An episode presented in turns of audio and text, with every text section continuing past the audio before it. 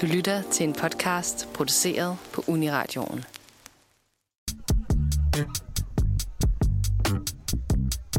Du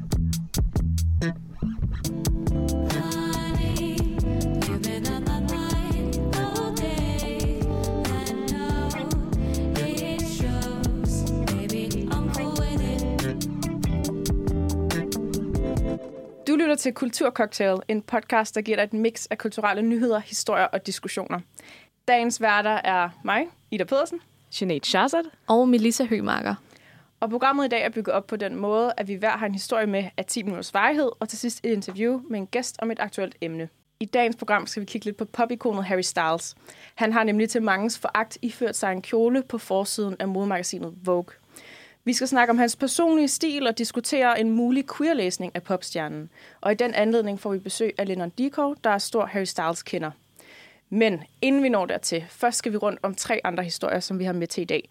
Vi skal snakke om kunstig intelligens, en rottemusical, og så en brustom uden mundbind. Men vi starter over hos dig, Melissa. Vi skal snakke om en rottemusical. Hvad er det for noget?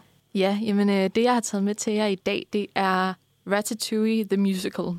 Og det er altså ikke en, en rigtig musical, som eksisterer, men det er en, som øh, kollektivt bliver lavet af unge mennesker på TikTok. Hvad er Ratatouille? Jamen, det kan være, at jeg lige skal introducere både øh, TikTok som social medie, og så også Ratatouille-filmen. Øhm, jeg starter lige med, med Ratatouille. Det er jo en, en Pixar-film, øh, lavet af Disney, som handler om en rotte øh, i Paris, som øh, lidt ved et tilfælde øh, får positionen som kok i en meget berømt køkken. Og den måde, at, øh, at rotten kan få lov til at lave mad, det er ved, at, at øh, rotten står på hovedet af en, et menneske og holder i to hårtotter, og på den måde kan styre menneskets arme. Så den her rotte og, og den, det her menneske bliver så gode venner og ligesom skal ud på en, en masse eventyr i det her køkken. En dejlig Disney-fortælling med dyr, der laver mad. Simpelthen. Og øhm, TikTok, jamen øh, jeg ved ikke, har, har, I, har I TikTok? Yes. Jeg vil sige sådan på meget basalt niveau. Ja. Okay, så I, så I har set konceptet. Altså det er, det, man lægger videoer op, øhm, og øh, det, der er unikt for TikTok, det er, at det er virkelig let at øh, lave videoer med andre, ligesom lave remixes og duetter på andres videoer. Øhm, det er meget drevet af den her lyd, som, så man kan bruge øh, andre menneskers lyd for deres video til sin egen video. Øhm, så det betyder, at der er rigtig mange, der laver øh, sangduetter, eller en lyd ligesom bliver et meme, som bliver genbrugt i flere øh, andre sådan, sjove situationer. Øhm, så det er jo oplagt til, at man sammen kan lave en hel masse ting, øh, fordi der er bare, det er bare noget, der bliver bygget videre og videre, videre på. Så det hele startede med, at der var nogen, der lagde en video op i oktober, jeg tror den 20. oktober, blev den her video lagt op, og det er en sang, som de forestiller sig kunne være med i en Ratatouille-musical. Altså sådan, så det her det er ting til at være den, den, den store slut øh, sang, inden tæppet går. Øhm, og jeg synes, vi lige vi skal høre den.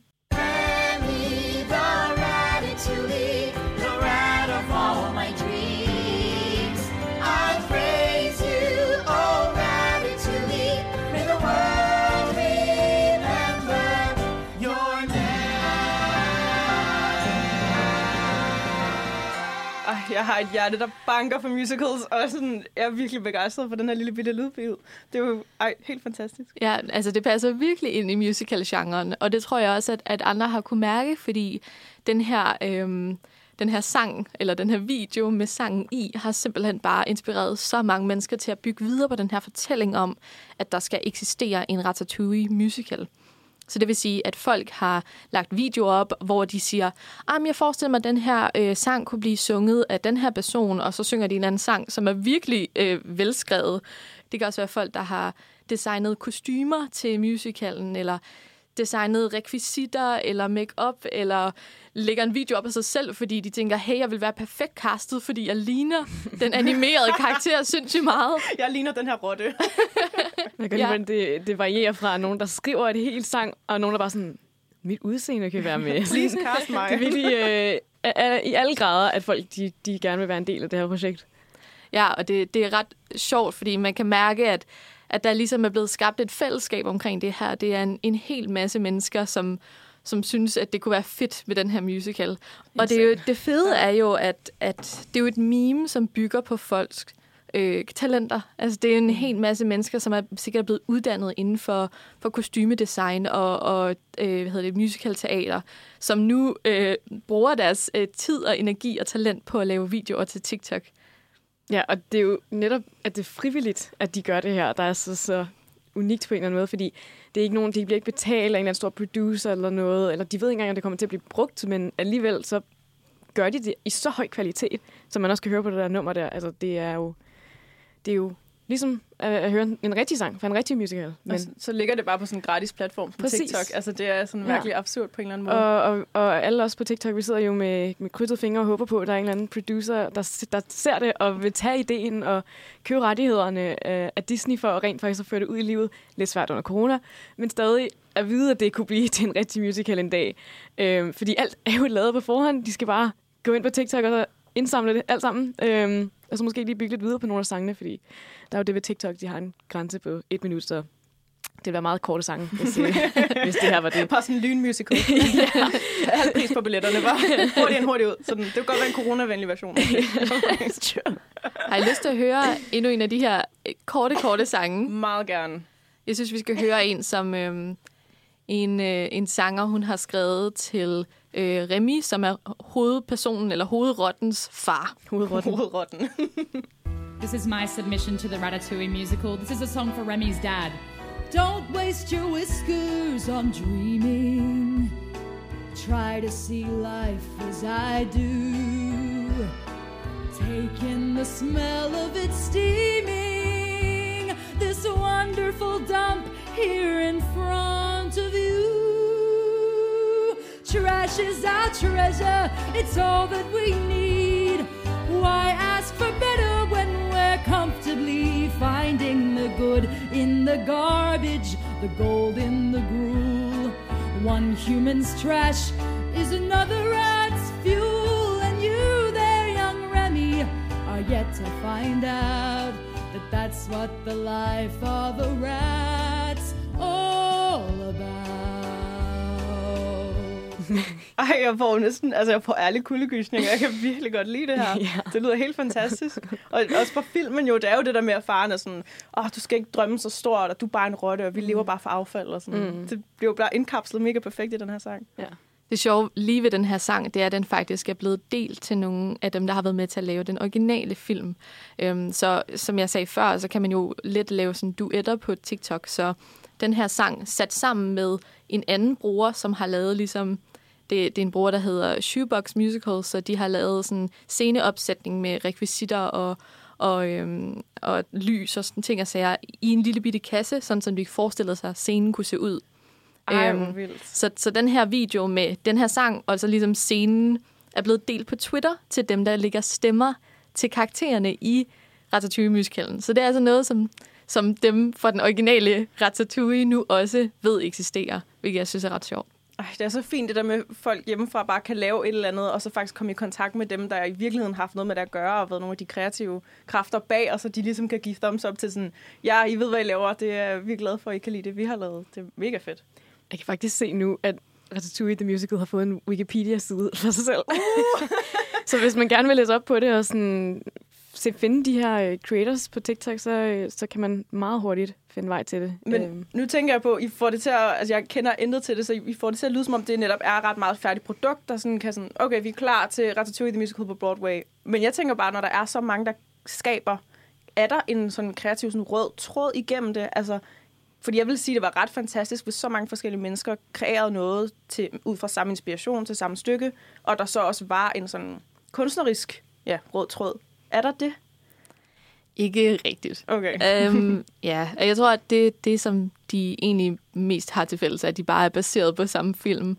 Øhm, folk går i meget forskellige retninger og laver sådan lidt øh, jazzballet danse til det, og andre de øh, laver tango, øh, tango-sange og dansekoreografier. Og sådan. Man kunne måske også forestille sig, at det kunne hænge sammen på en fin måde, men der er helt sikkert ikke en rød tråd. Det er bare over 100 millioner idéer, der er blevet slynget ud i luften. Så det er bare sådan til selvland af Ja, ja, ja. ja. Og der er jo- lækre fortolkninger. ja, der er jo sikkert mange, der falder til jorden, som ikke stik. Altså sådan, der, ikke, der ikke, Sidder fast. så fast, Der ikke passer ind. der ikke passer sådan. ind. Ja. Ja. Især nu, hvor jeg ser, der har været 100 millioner. ja. Der må også være Øhm, nogen, der laver noget lort. Ja, er det bare. men det skal lige siges, det her det er jo også videoer, som der har brugt den her lyd, og så måske bare har brugt den i andre sammenhænge. Så det er ikke fordi, de er 100 millioner unikke.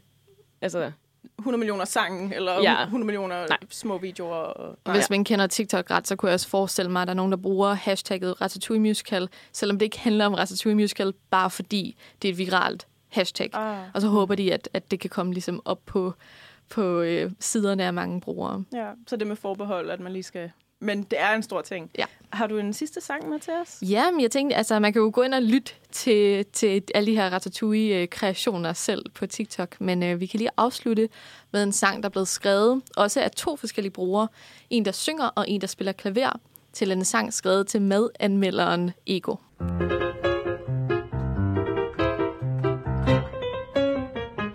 So you think you've got the skills, the drive to thrive in the kitchen. To serve this dirt to me, expecting my good word. Please, my palate is reserved for only Michelin. I'm not one to be fulfilled. I strive to find perspective. No food is not a farce, it's a strand of classic art. Get it wrong, and you'll succumb to my directive. Everybody thinks they're a genius, regardless of their skills or taste. But of course, what would I know? Who am I to judge Gusteau? All these imbecile crooks think that I'd give a second look, believing everything inside that stupid book. Anyone can cook. Vi skal til en historie, jeg har valgt at kalde Spottet uden mundbind. The Rise and Fall of sundhedsikonet Søren Brostrøm. Og ja, det er meget dramatisk. Øhm, Søren Brostrøm, han er jo direktør i Sundhedsstyrelsen, og vi kender ham jo her i forbindelse med coronakrisen, at vi har set ham i forskellige videoer øh, på reklamer i busserne, øh, i forskellige interviews på tv, alt muligt. Vi er vant til, ligesom, at Søren Brostrøm fortæller os, hvordan går man med mundbind, hvorfor skal vi have mundbind på, og hvordan man ellers holder sig fra at blive smittet med corona. Men for nylig kom der et billede ud af Søren Brostrøm, der kørte i tog uden mundbind. Ja, det er jo kritisk. Hvad tænker I umiddelbart om det? Det er da virkelig ærgerligt. Ja, bevares.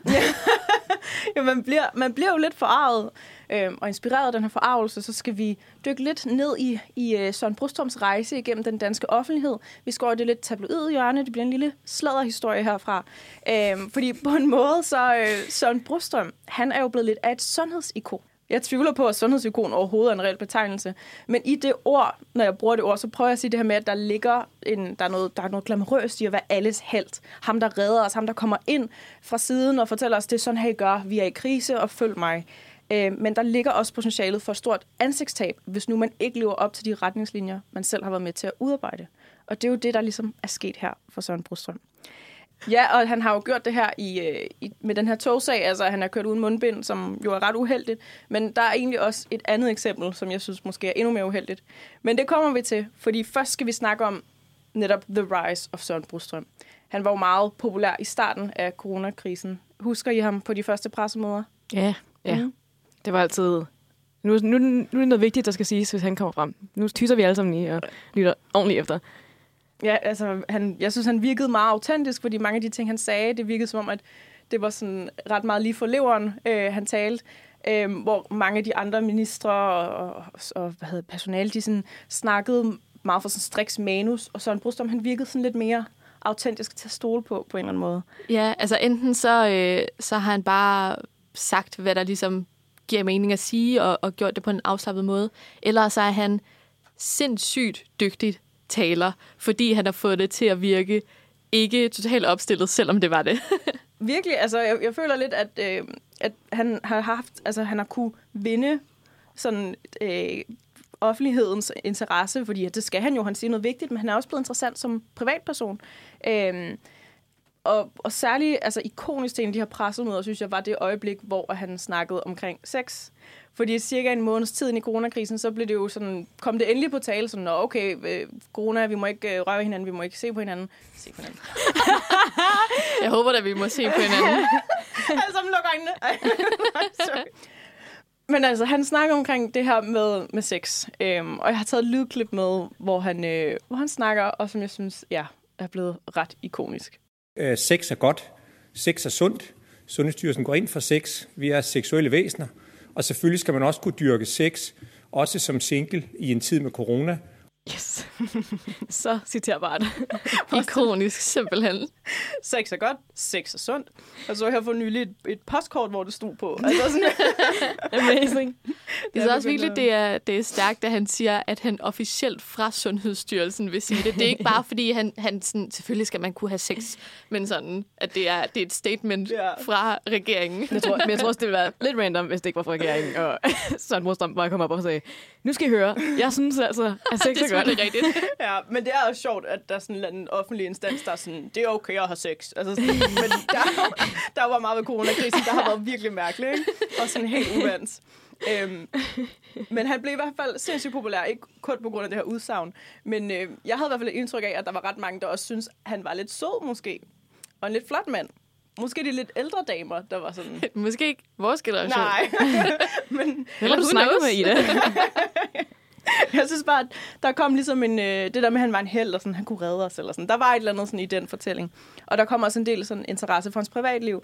Blandt andet var han med i det program på Radio 4, der hedder Det Sidste Måltid, øhm, hvor han snakker omkring manden i sit liv, og hvordan han havde mistet ham.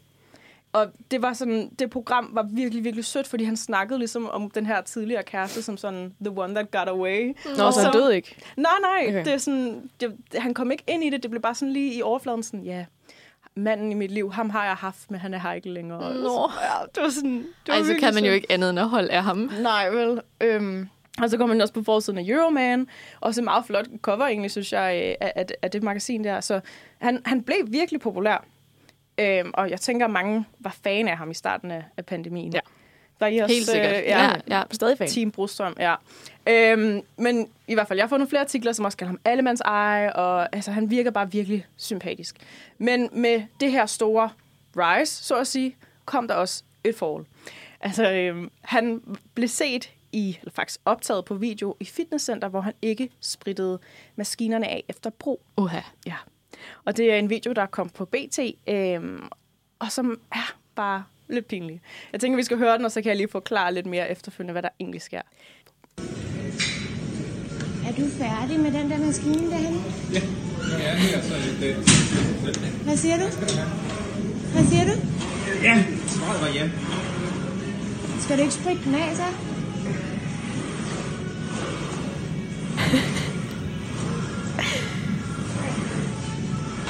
Er det ham, der gründer? Ja. Han er på en ny maskine. Skal, skal du så ikke spritte den af? Skal jeg det? Det tænker jeg lidt.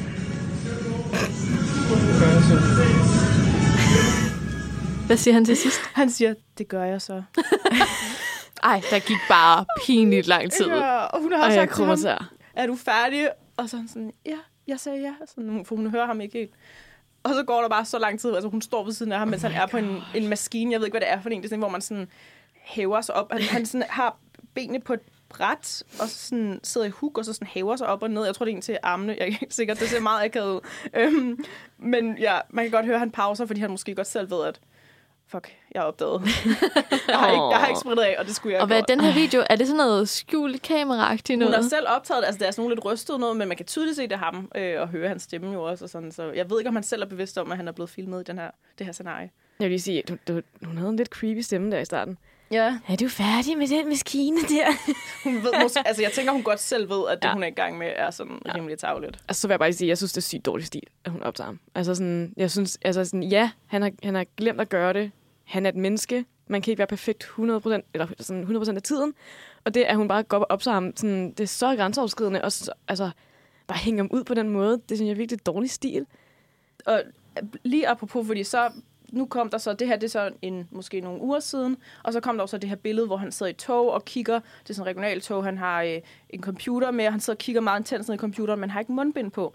Og der var han så i Godmorgen Danmark øh, i morges og sige, at, øh, han selvfølgelig, øh, han, det var ikke sådan, at han undskyld, han forklarede bare, at men jeg tog en tår vand, og så glemte jeg at tage mundbindet på, og så kom der en kontrollør, og heldigvis sagde til mig, hey, øh, du skal lige have mundbind på, så tog jeg det på, og det var fint og sådan. Men ja, han sagde netop, i, i begge de her situationer, at han vil hellere have, at folk kommer hen, prikker ham på skulderen og siger, hey, øh, hej Søren, du har ikke mundbind på, kan du lige tage det på måske? Hvilket jeg også godt kan forstå, fordi det der med at filme ham, der på en eller anden måde netop er sat op på en pedestal, fordi det er ham, der fortæller os de her retningslinjer, som han ikke selv helt kan følge, og det bliver bare sådan en mærkelig miskmask, og ja. Ja, altså det er, jo, det er jo ærgerligt, fordi han skal være den, der sådan belærer os alle sammen. Men det er også, altså... Åh, jeg har så ondt af offentlige personer nogle gange, fordi at de skal bare leve efter nogle helt andre, andre standarder end vi. Altså hvis der var jo ikke... Hende dame havde jo ikke filmet mig, hvis jeg havde glemt at spritte min maskine af. Så havde hun bare sagt, vil du ikke være sød og spritte den af? Ja, lige præcis. Ja, og jeg synes også, at, øh, at nu har vi jo kun set de her to eksempler på, at han ikke overholder reglerne, men hvad med alle de millioner gange, han har gjort det? Når man tænker på, at vi har været igennem det her i flere måneder nu, og der kun er to eksempler, er, er jo imponerende, og det er også noget, man skal være opmærksom på, at det er jo ikke, fordi han går rundt og gør det hver dag. Han, igen, han er et menneske, han begår fejl, han glemmer det. Jeg har da også selv gået ind i, i supermarkedet, og så undrer mig lidt over, at folk sendte mig mærkelige blikke, indtil det pludselig sådan, gud, jeg har ikke mundbind på. Altså sådan, everyone. Ja, hvis man kigger lidt sådan på sig selv og tænker, okay, har jeg glemt at overholde nogle af de her coronarestriktioner? Ja, det har jeg. Mm. Øh, er sandsynligheden, at andre folk også har kommet til det? Mm. Ja. Men har han gjort det sådan bevidst med fuld overlæg og bare sådan, jeg gider fandme ikke at spritte min maskine af? Mm. Det tvivler jeg på. Jeg, altså, jeg er stadig på Team Brudstrøm, selvom ja. det her selvfølgelig giver nogle riser i lakken. 100 procent. Men ja, han, øh, han har sgu bare, ja, han har styr på det. Men ikke lige de her to situationer. så det er måske altså Rise, og så sådan the tiniest downfall. ja, et lille fall, så øh, det skal nok gå.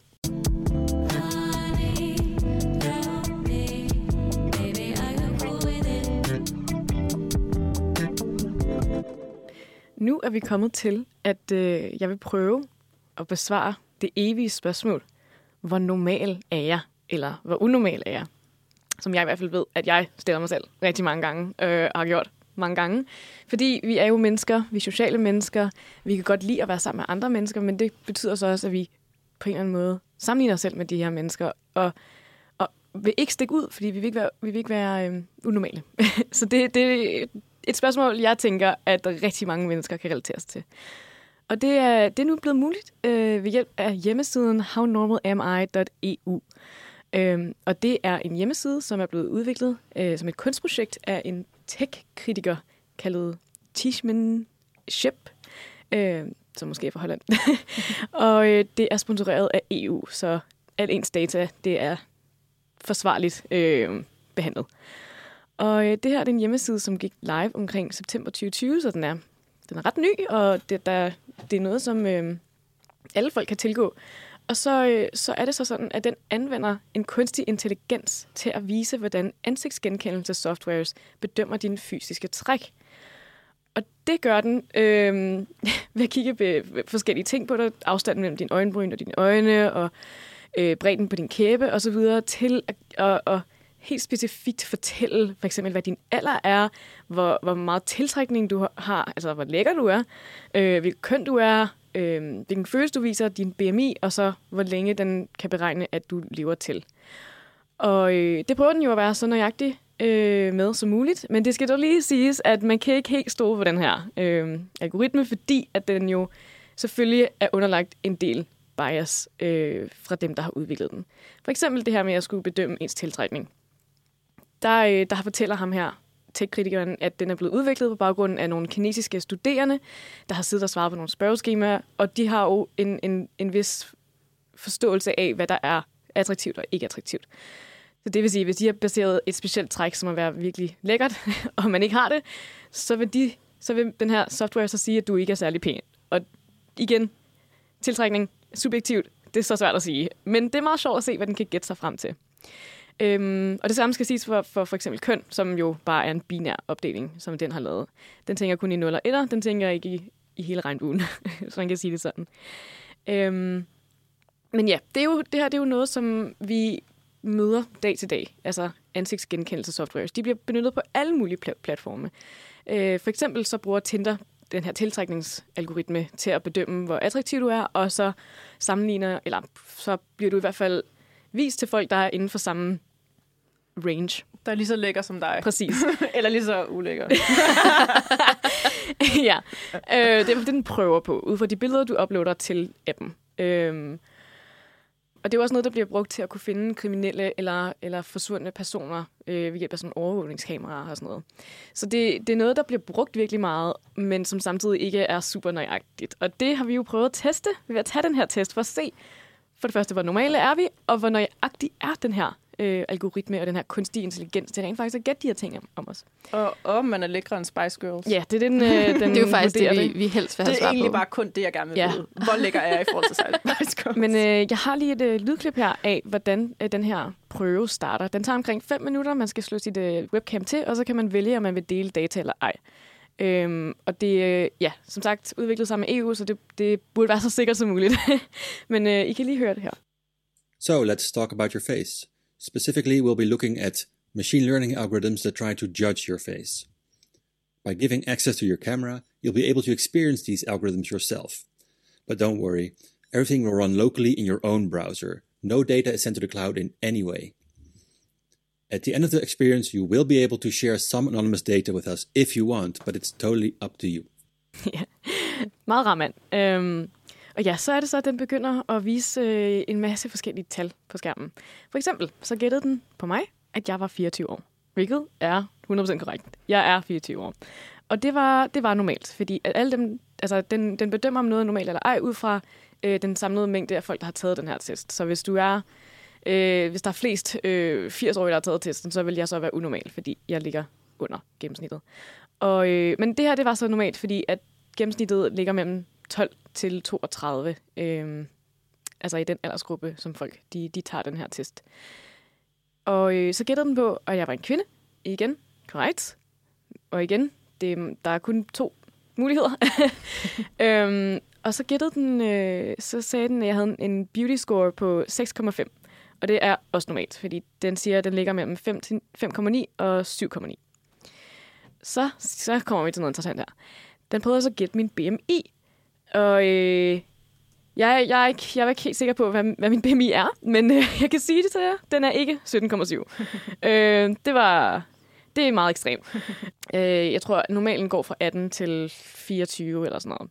Og der siger den også her, at der er ikke normal, fordi der er den øh, 19,4 til 25,4. Og så, så gættede den på, at jeg bliver 83 år. Og det har måske noget at gøre med, at jeg, den gætter, jeg er undervægtig. Den tager nok alle de her tal og bedømmer en, en sådan... Ja, en, en, prøver at forudsige, hvor længe du vil leve. Og det siger den, det er normalt. De, øh, dem, der tager testen, de plejer at ligge mellem 75,8 til 85,8. Og øhm, ja, yeah. så den har egentlig været, den har egentlig været ret nøjagtig. I at gætte en masse ting om mig, men kun baseret på mit webcam-billede. Og så giver den mig en samlet bedømmelse på 55% normal. Altså averagely normal, står der. Igen, og det er ud fra alle dem, der har taget den her test før. Og det, det kan man jo have lidt øh, forskellige meninger om. Vil man gerne være normal, eller vil man gerne være lidt speciel? Det ved jeg ikke. hvordan har du det med at være averagely normal? Altså, det lyder ret voldsomt, ikke? Det lyder øh, som grå. Ja. det, det er ikke en, man lige vender øh, hovedet efter, den når man går ned på gaden, kan man sige. Den siger basically, at du er basic. ja. Og det er meget uenig med, vil jeg lige sige. Ja, jeg, øh, altså jeg er bare, ret speciel, lad os bare starte med mit navn, okay? det bliver ikke mere unormalt. Men hvad med jer? I har jo også taget den her test. Synes I, den har været nøjagtig? Vil du starte i det? Ja, jeg er godt... Øh, jamen, jeg er glad for, at du havde så, så positivt et... Øh, eller sådan så nøjagtigt, fordi at for mig sagde den, at, at jeg var en 15-årig knægt. Hvilket jeg var sådan... Nej, ikke så vidt jeg selv ved. Øhm, og at jeg lever til jeg er 85. Øhm, og at jeg havde, jeg var 64 procent normal. Så jeg er Okay. mere normal end dig. Jeg ved ikke, hvordan det skal... Altså, hvis du var en 15-årig knægt, Ja, vil du være mere normal end Sinead, undervægtig Sinead. ja, det får mig bare til at tænke, at jeg er meget unormal jo. Nå. Den, jeg vil sige, den skiftede også mellem mand og kvinde. Sådan, jeg kunne sådan, Ja, ja. alt efter hvilket ansigt jeg lavede, kunne den sådan hoppe, men den sluttede på mand. ja. Og der kan jeg sige, der, er det, der kigger den på, på bredden af kæber. Mm, for Jeg at se, også- om, øh, om man har en mandlig kæbe eller en feminin kæbe. I don't know. Det synes jeg ikke rigtig, man kan sige. Men øh, sure, algoritme. Men min beauty score, ja, Det var- vigtigste. allervigtigste. Og det skal lige sige, den, den, den dømmer det ud af sådan procentvis lækre end en Spice Girl, eller... Ja. Ja. Jeg var, altså, jeg var på 5,9. Okay. Ud af jeg 10. Så, ja, eller ja, ud af 10. Ja. Ja. Så jeg er ikke lige så lækker som Nej. desværre. Damn. Og, men til gengæld var jeg 40% mere attraktiv end, øh, end Spice Girls. Nice. Ja.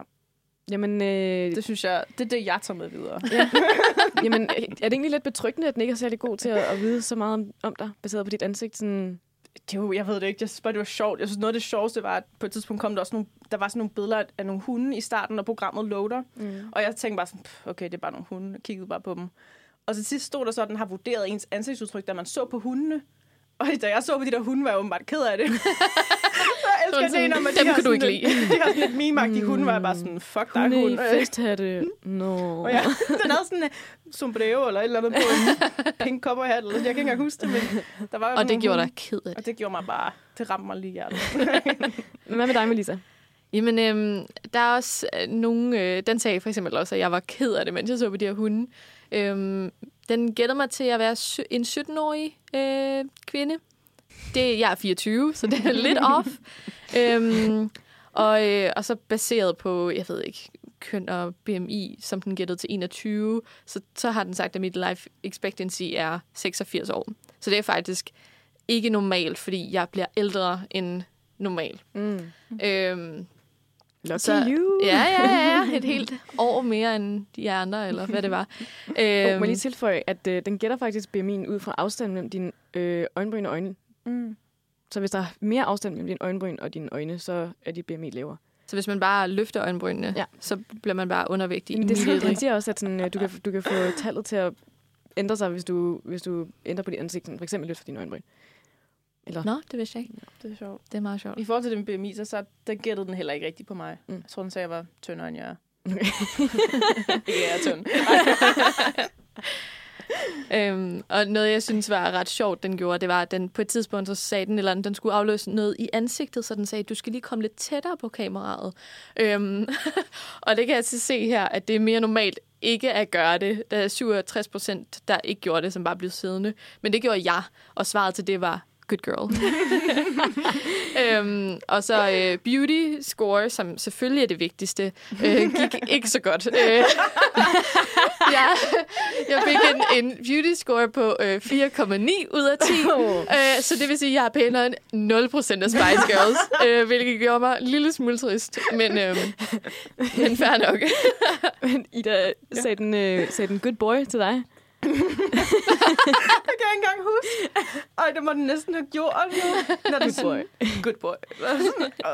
Nej, men det er jo så sjovt. Altså, den, undervejs, da jeg tog den, så genererede den også et automatisk username for mig. Sådan, hvis nu den skulle lave et, et tilfældigt øh, brugernavn til en person som mig, baseret på de informationer, jeg fik. Og jeg hed McSexyPants 96. Den var bare sådan, damn, you sex. Og så, så 96 til sidst, fordi den gættede, jeg var 24. Så, og det, det ligner jo sådan rigtig sådan brugernavn. Øhm, det synes jeg bare var sjovt, at den gjorde det. Men jeg synes også, det var, det var lidt øhm, creepy at tage den her test, men det var også, fordi jeg ikke lige havde fattet, det var for EU. Og da den så sagde det der med, at den havde, faktisk havde holdt øje med en, øh, før man var opmærksom på det, altså mm. da, den, da, da man skulle kigge på de der hunde, Ja. øhm, så kom jeg til at tænke på sådan, god damn, altså det giver lidt perspektiv, Ja. fordi der er, jo, der er jo så mange gange, hvor man bliver holdt øje med, hvor man ikke lige er opmærksom på det, men hvis man tænker sig om, så, så giver det egentlig meget god mening, at man faktisk har delt sin data, uden at, at, ja. At, at, ja, man tænker over det. Øhm, ja, så jeg synes, det giver lidt perspektiv at tage sådan en test her. Ja, og så glemte jeg lige at sige, at den bruger også ens øh, IP-adresse til at gætte, hvor du er fra, og den gættede Danmark på mig. Var den rigtig nok mere? Ja. Jeg, jeg synes slet ikke, den kom med noget Nej. der. Men Første jeg- gang, jeg tog den, gættede den USA nemlig. I forhold til brugernavn, så gav den mig det måske meget passende navn, Mr. Mom. På 15 år. Der er en eller anden, der er, På 15 år. der er en eller anden med mig, og sådan køn, den var sådan, øh, jeg, siger, jeg tager ikke en beslutning. Mr. Mom. Og igen, det er jo fordi, at de her, altså, det er specielt noget... Jeg fandt jo den her hjemmeside i, ja, i forbindelse med, at jeg læser antropologi, øh, specifikt digitale identiteter lige nu, og vi snakker rigtig meget om, hvordan de her algoritmer, som styrer rigtig meget af vores liv, altså som, som rigtig mange systemer bygger på, jo er så, altså, så biased øh, mod folk, der ikke er hvide mænd. Øh, så derfor vil man, vil man jo altid ikke være det normalen, uanset øh, hvordan man ser ud, hvis det giver mening. Ja. Øh, for eksempel så fortæller den her algoritme også, at den har, den har svært ved at genkende øh, folk med mørkere hudfarves ansigter, fordi det er bare ikke noget, der er blevet taget i betragtning, da den blev udviklet, fordi at de her algoritmer også er dybt racistiske. Øh, Og det hele afhænger vel af det datasæt, det er blevet trænet på. Præcis. Altså Præcis. fordi at, at datasættet, øh, som algoritmen er trænet på, har haft mange flere hvide mænd mm. end sorte kvinder, for eksempel. mm-hmm. Ja. Øhm, ja. Præcis. Øh, så ja, det, er- det er knap så nøjagtigt. Det, til gengæld bliver det brugt rigtig meget. Vi, de, vi oplever det hver dag. Øh, og så er det bare sjovt at se, hvad, hvad for noget den kan komme på. ja. Man kan teste, og så bare lige sådan ja. tage det lidt med et grænsalt og være sådan, Præcis. Så hvad er det for en hjemmeside, hvis man nu selv har lyst til at tage den her test? Det var hownormalami.eu. Bare ud i et. Ja. Men øh, det vil jeg anbefale. Det var meget sjovt. Tak for at dele med os. Det var sjovt at prøve.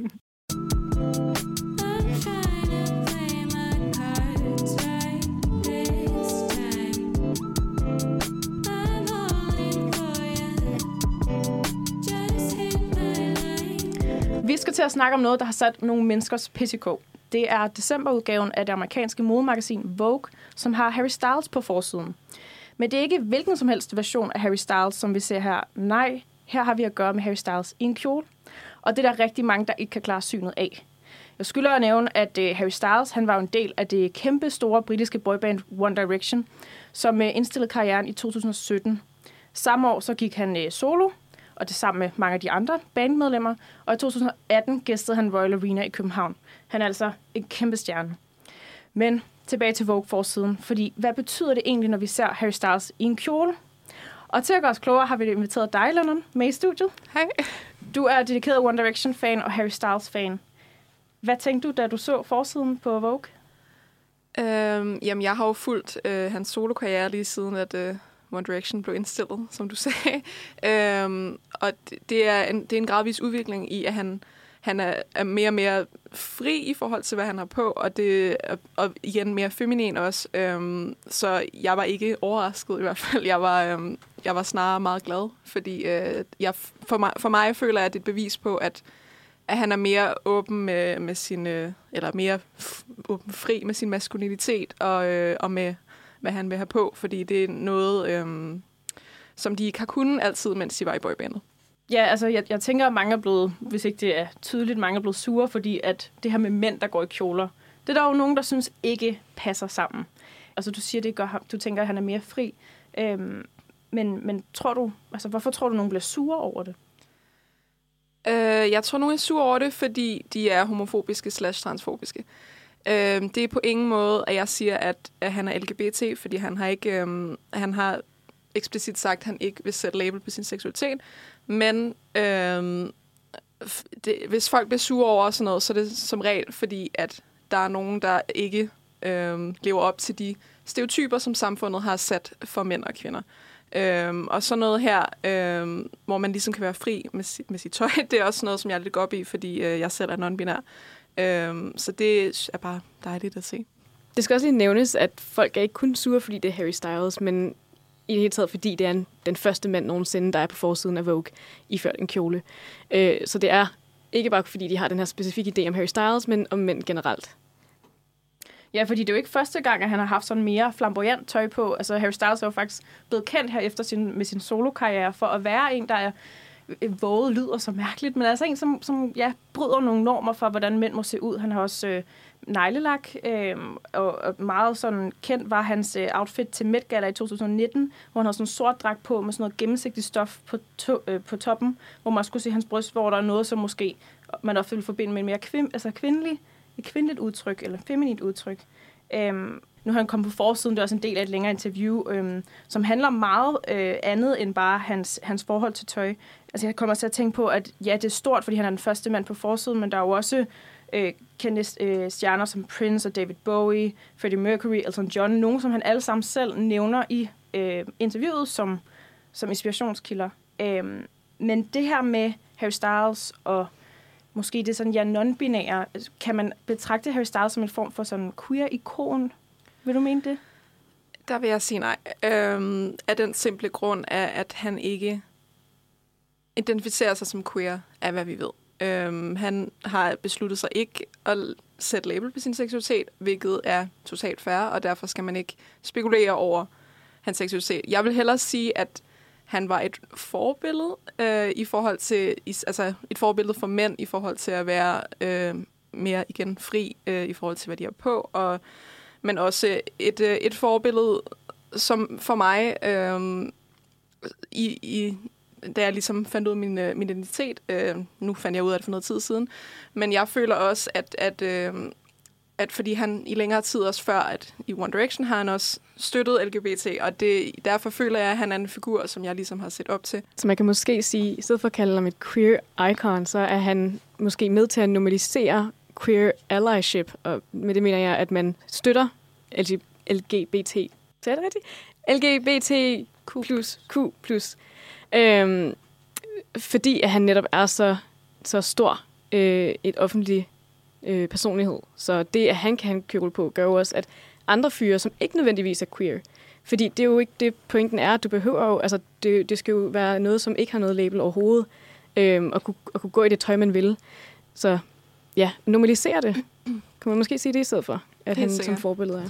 Jeg tror også, der er en fare i, at, øhm, at der er mange, der, der netop har sagt, at han, han er et non-binær fashion-ikon. Det er nogen, der har sagt i en artikel, hvilket er rigtigt, fordi som sagt, der er jo mange andre mænd før ham, som også som er LGBT, som Elton John, øhm, som har gjort det her før. Så det, det er problematisk, at han får en klapsalve for at gøre noget, som LGBT har gjort i rigtig lang tid, især transkønnede og non-binære folk. Og han er, er vi en, en ciskønnet mand, som får øh, den, her, den her modtagelse, jeg ved, der er meget negativt, men også en stor positiv modtagelse for noget, som det, det fællesskab har gjort i så mange år. Men det betyder ikke, at man, at man ikke kan være glad for, at han gør det. Jeg tror, at, at, øh, at han kan ses som et ikon, hvis man tænker på, på boyband-industrien. På hele industrien, på hele verden, nej. Men når det kommer til boybands, så, så, så tænker jeg det, fordi det er også en branche, hvor der, der er meget hypermaskulin det meste af tiden, og det er udelukkende til kvinder, og, og der er nogle, nogle, øh, hvad hedder det, nogle, nogle forventninger til boybands, hvordan de skal være. På den anden side, så er K-pop øh, også steget i popularitet, hvilket jeg også synes er med til at, at challenge den her, udfordre den her, øh, hvad hedder det, heteronormative påklædning, i form af, at de går med makeup og med smykker, og til det er så lidt feminin beklædning. Jeg, jeg kan ikke sige, om jeg har set nogen i kjole endnu, men det er i hvert fald på vej derhen af, også øh, på et mere globalt niveau, i stedet for bare amerikansk.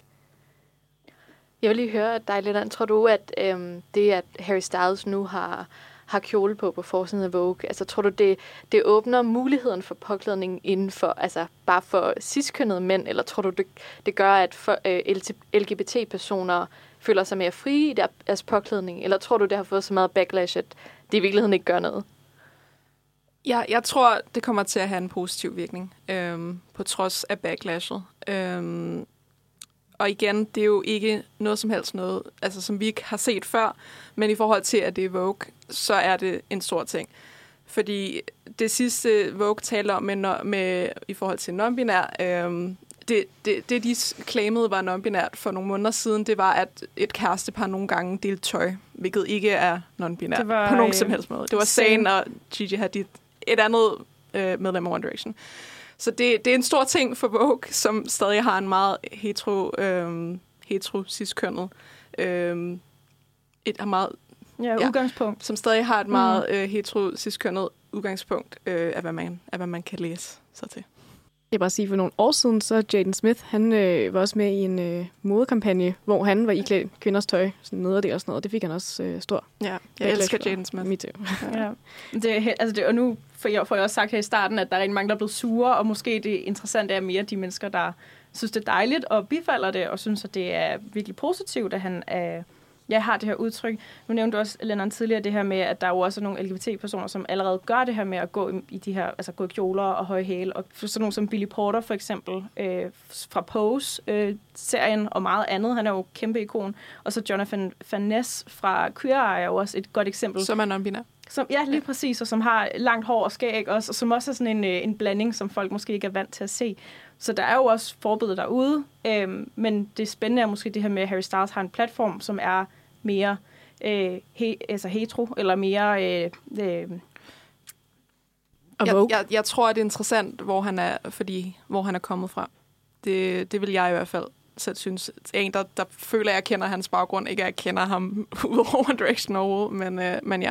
Men også bare Vogue, som er så mm. øh, et, et, et, et blad med så stor autoritet og indflydelse på modeverdenen, og hvad der skal gøres normalt, og hvad der skal være den nye trend. Så sådan, ikke kun nok med, at han har en masse, en stor platform, så det er jo også altså, stort, at det er på Vogue, og ikke måske Jaden Smith på en modekampagne, jeg ikke engang kan komme i tanke om. Mm. Men øh, ja, så det, det tror jeg også er med til at, at gøre det lidt større. Og det er en utrolig, at Vogue først gør det nu.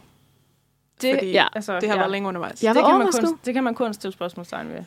Men jeg, jeg kommer til at tænke på, da jeg så den her forside på uh, Harry Styles sang uh, Waterman Sugar, som jo fik en musikvideo her i marts måned under corona, hvor der i starten også stod, det synes jeg var meget sjovt, at den her video, eller noget, der stod noget lignende, at videoen her er dedikeret til det at røre ved hinanden, øhm, hvor han jo også er i, altså hvor der både er mænd og kvinder i videoen, som han er tæt på, eller sådan, der er noget, noget, noget fysisk i den, øh, som også på en eller anden måde måske kan læses som noget lidt queer, eller hvad, hvad tænker du om den musikvideo? Uh, jeg elsker den musikvideo, FYI. Um, øhm, hans, hans musikvideo før den, um, som, hedder, som hedder Lights Up, den udgav han på, uh, på National Coming Out Day. Ikke at, igen, jeg vil ikke label ham på nogen som helst måde. Øhm, og det var, det var netop en video og en sang, som, som jeg føler betyder meget i forhold til, til min identitet. Og så også, at her igen, der at han, bliver han set, øhm, jeg tror helt nøgen, han nøgen, med en masse andre nøgne, både mænd og kvinder. Øhm, og så igen her med Watermelon Sugar, så han, han, han, øh, han, han omfavner det med, med, med noget flydende, en flydende identitet, og det har han også sagt, at det er flydende, og der, der er mange, der har pres, faktisk presset ham i interviews og spurgt ham sådan, at give, give dem en forklaring på det, han har gjort. Hvor han altid har sagt sådan, hvorfor betyder det noget? Hvor, hvorfor skal I vide det? Mm. Det er bare et spørgsmål. Vil man kunne, eller hvordan kan man sige, at det, han gør, er anderledes fra øh, queerbaiting? Um, og det skal måske lige forklares. Det er men, øh, men queerbaiting, det er, når for eksempel tv-serier eller populære personer eller andre folk inden for øh, populær kultur, de, øh, de benytter sig af queer-relaterede hentydninger, eller i hvert fald lægger op til, at der kunne være den side til, den, til en eller anden historie, de fortæller, for at kunne vinde den befolkning over, øh, som deres seere, eller i hvert fald som deres publikum, eller modtager, eller i hvert fald øhm, fans, fordi at hvis de kan appellere til flere mennesker som muligt, uden at give et klart bud på, hvad deres for eksempel seksualitet er, eller hvad de støtter, så, ja, så får de mere ud af det. Men det er der jo mange, der kalder at baite, altså at, at sådan lokke, fordi de jo ikke op, op, op, op, øh, rigtigt mener det, eller står inden for det, eller noget. Det er noget, de bruger til egen vinding, eller for deres for økonomisk udnyttelse, hvis man kan sige. Et eksempel kunne være Sherlock-serien øh, fra BBC, hvor vi har en Sherlock Holmes og en John Watson, hvor der hele tiden igennem alle sæsonerne bliver lagt op til, er de kærester? Kunne de være kærester? Har de noget kørende? Og det bliver aldrig rigtig øh, bekræftet. Et af den meget aktuelle Supernatural-serie, som netop igennem flere år, jeg ved ikke, 13 år eller noget, har, har haft lidt undertoner af, af et homoseksuelt forhold mellem to af karaktererne, hvor de så slutter det her, jeg tror det var i sidste måned, med at, øh, at den her ene mandlige karakter så indrømmer, at han er forelsket i ham den anden, og så dør. Så de skal ikke rigtig gøre noget ud af det. De har, de har levet op til deres løfter om, at der vil komme noget igennem alle de her hentydninger, men de levede aldrig rigtig op til det, fordi nu har de så skilt det med. Men tilbage til, hvordan det Harry Styles gør, adskiller sig fra queerbaiting. Altså, jeg synes jo allerede, I svarer, svarer spørgsmålet med, at jeg synes, altså queerbaiting, det er jo det er noget, jeg ved meget om, som jeg har gået op i, når det kommer til tv-serier fiktion. Jeg synes ikke, man kan bruge termet, når det kommer til rigtige mennesker, som udtrykker sig selv. Jeg vil heller ikke beskylde Jaden Smith for at queerbaite, fordi han har kjole på.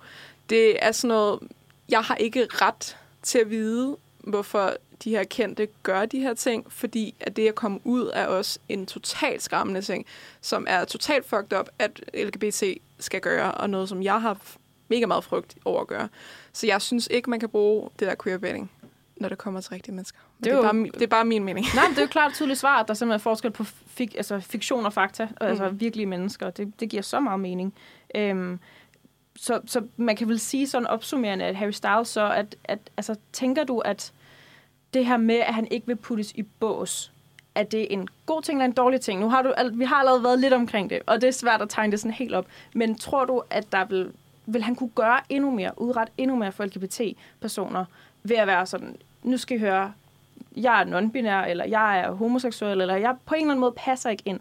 Nu han nægter at komme ind i kasserne. Altså, gør det mere godt end skidt, at han ikke vil i en kasse? Ja, jeg vil sige godt. Fordi der i forhold til, til køn og seksualitet, det er noget, der er meget flydende, og der er stadig mange, der skal forstå, at det er flydende. Øhm, og samfundet har længe levet på den basis, at der er kvinder, og der er mænd, og der er heteroseksuelle, og der er homoseksuelle. Og det er de bokse, som samfundet har sat op for os.